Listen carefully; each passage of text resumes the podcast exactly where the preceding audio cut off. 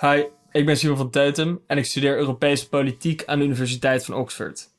Ik heb een stukje geschreven over de stikstofcrisis en Brexit en wat die twee met elkaar te maken hebben.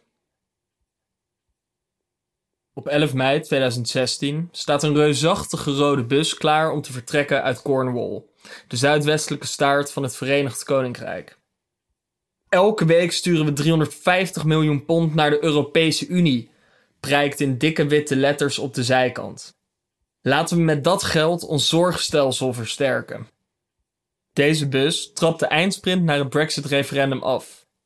Boegbeelden van de Leave-campagne trekken het land in. Boris Johnson voorop.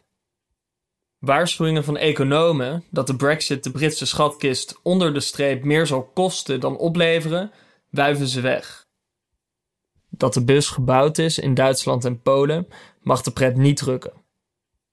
Zes jaar later staat de werkelijkheid haaks op de rooskleurige beloftes. De Britse begrotingswaakhond verwacht dat de Brexit 4% van de economie zal doen verdampen. Twee weken geleden berekende een onafhankelijke denktank dat de Britse economie eind vorig jaar al 5,2% kleiner was dan zonder de Brexit het geval zou zijn geweest.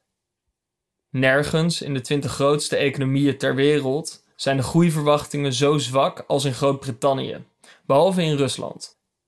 Buiten zakencentrum Londen ligt in bijna alle regio's het economische niveau nog altijd lager dan voor de pandemie. Met één uitzondering: Noord-Ierland. Hoe komt het dat juist zij de coronacrisis al wel te boven zijn? Het is de enige Britse regio die nog deel uitmaakt van de Europese interne markt. De Leave-campagne schetste een veelbelovend toekomstbeeld voor Brexit. Maar bij elke stap er naartoe lijkt het meer op een fata morgana. Om de realiteit erachter te verbloemen, verzint Boris Johnson, inmiddels premier, steeds weer nieuwe, eenvoudige en drastische oplossingen. De laatste wapenfeiten? De Britse regering wil eenzijdig de Brexit-afspraken wijzigen, daarmee internationale verdragen schenden en zo de geloofwaardigheid van haar land te grabbel gooien. Ach, die gekke Britten met hun onbegrensde hoogmoed, maffe premier en pathetische theaterpolitiek, zou je kunnen denken. Maar wie aandachtig kijkt, ziet dat Nederland aan vergelijkbare symptomen leidt. Case in point, de stikstofcrisis. Al tien jaar geleden was het stikstofprobleem duidelijk en de waarschuwing ondubbelzinnig.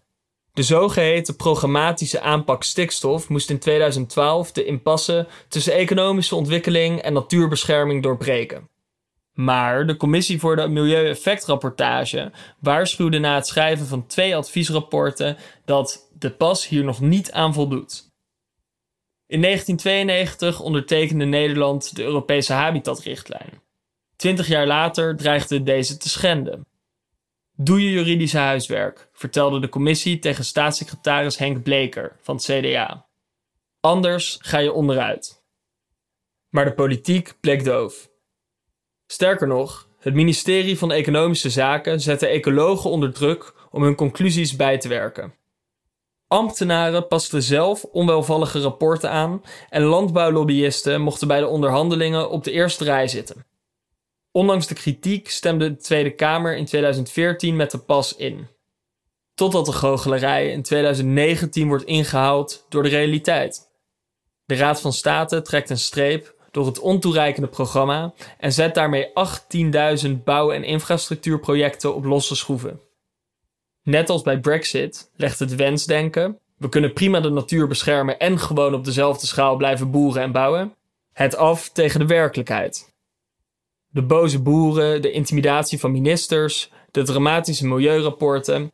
Ze zijn niet het gevolg van zittende politici die een probleem onder ogen komen, maar van voormalige politici die dat weigerden te doen. Uit opportunisme, uit machtswellust, uit angst voor trekkers op de stoep of simpelweg uit scheid aan de natuur. Toch schieten veel Nederlandse politici in dezelfde reflex als Boris Johnson. Als we het probleem maar lang genoeg negeren, verdwijnt het vanzelf. Er is helemaal geen stikstofprobleem, riep Geert Wilders van de PVV. Het is een non-probleem als je Joost Eerdmans van Ja21 vraagt. Thierry Baudet van Forum voor Democratie noemt het een verzonnen stikstofcrisis. Volgens Caroline van der Plas van BBB gaan de plannen niet om natuur, maar om goedkoop landbouwgrond opkopen voor huizen voor die miljoenen mensen die nog in Nederland gepropt moeten worden. Op het VVD-congres half juni stemde een nipte meerderheid tegen de stikstofplannen van het kabinet en voor het herinvoeren van 130 km per uur op de snelweg. Haagse illusionisten behandelen het voorgestelde stikstofbeleid als een normale politieke keuze. Maar dat is het niet. Het is een juridische verplichting veroorzaakt door illegaal beleid van voormalig bestuurders en afgedwongen door de hoogste bestuursrechter van het land. Er zijn ook maar twee smaken: duurzaam stikstofbeleid of het direct ondermijnen van Europese wetgeving. Dat laatste is geen serieuze uitweg.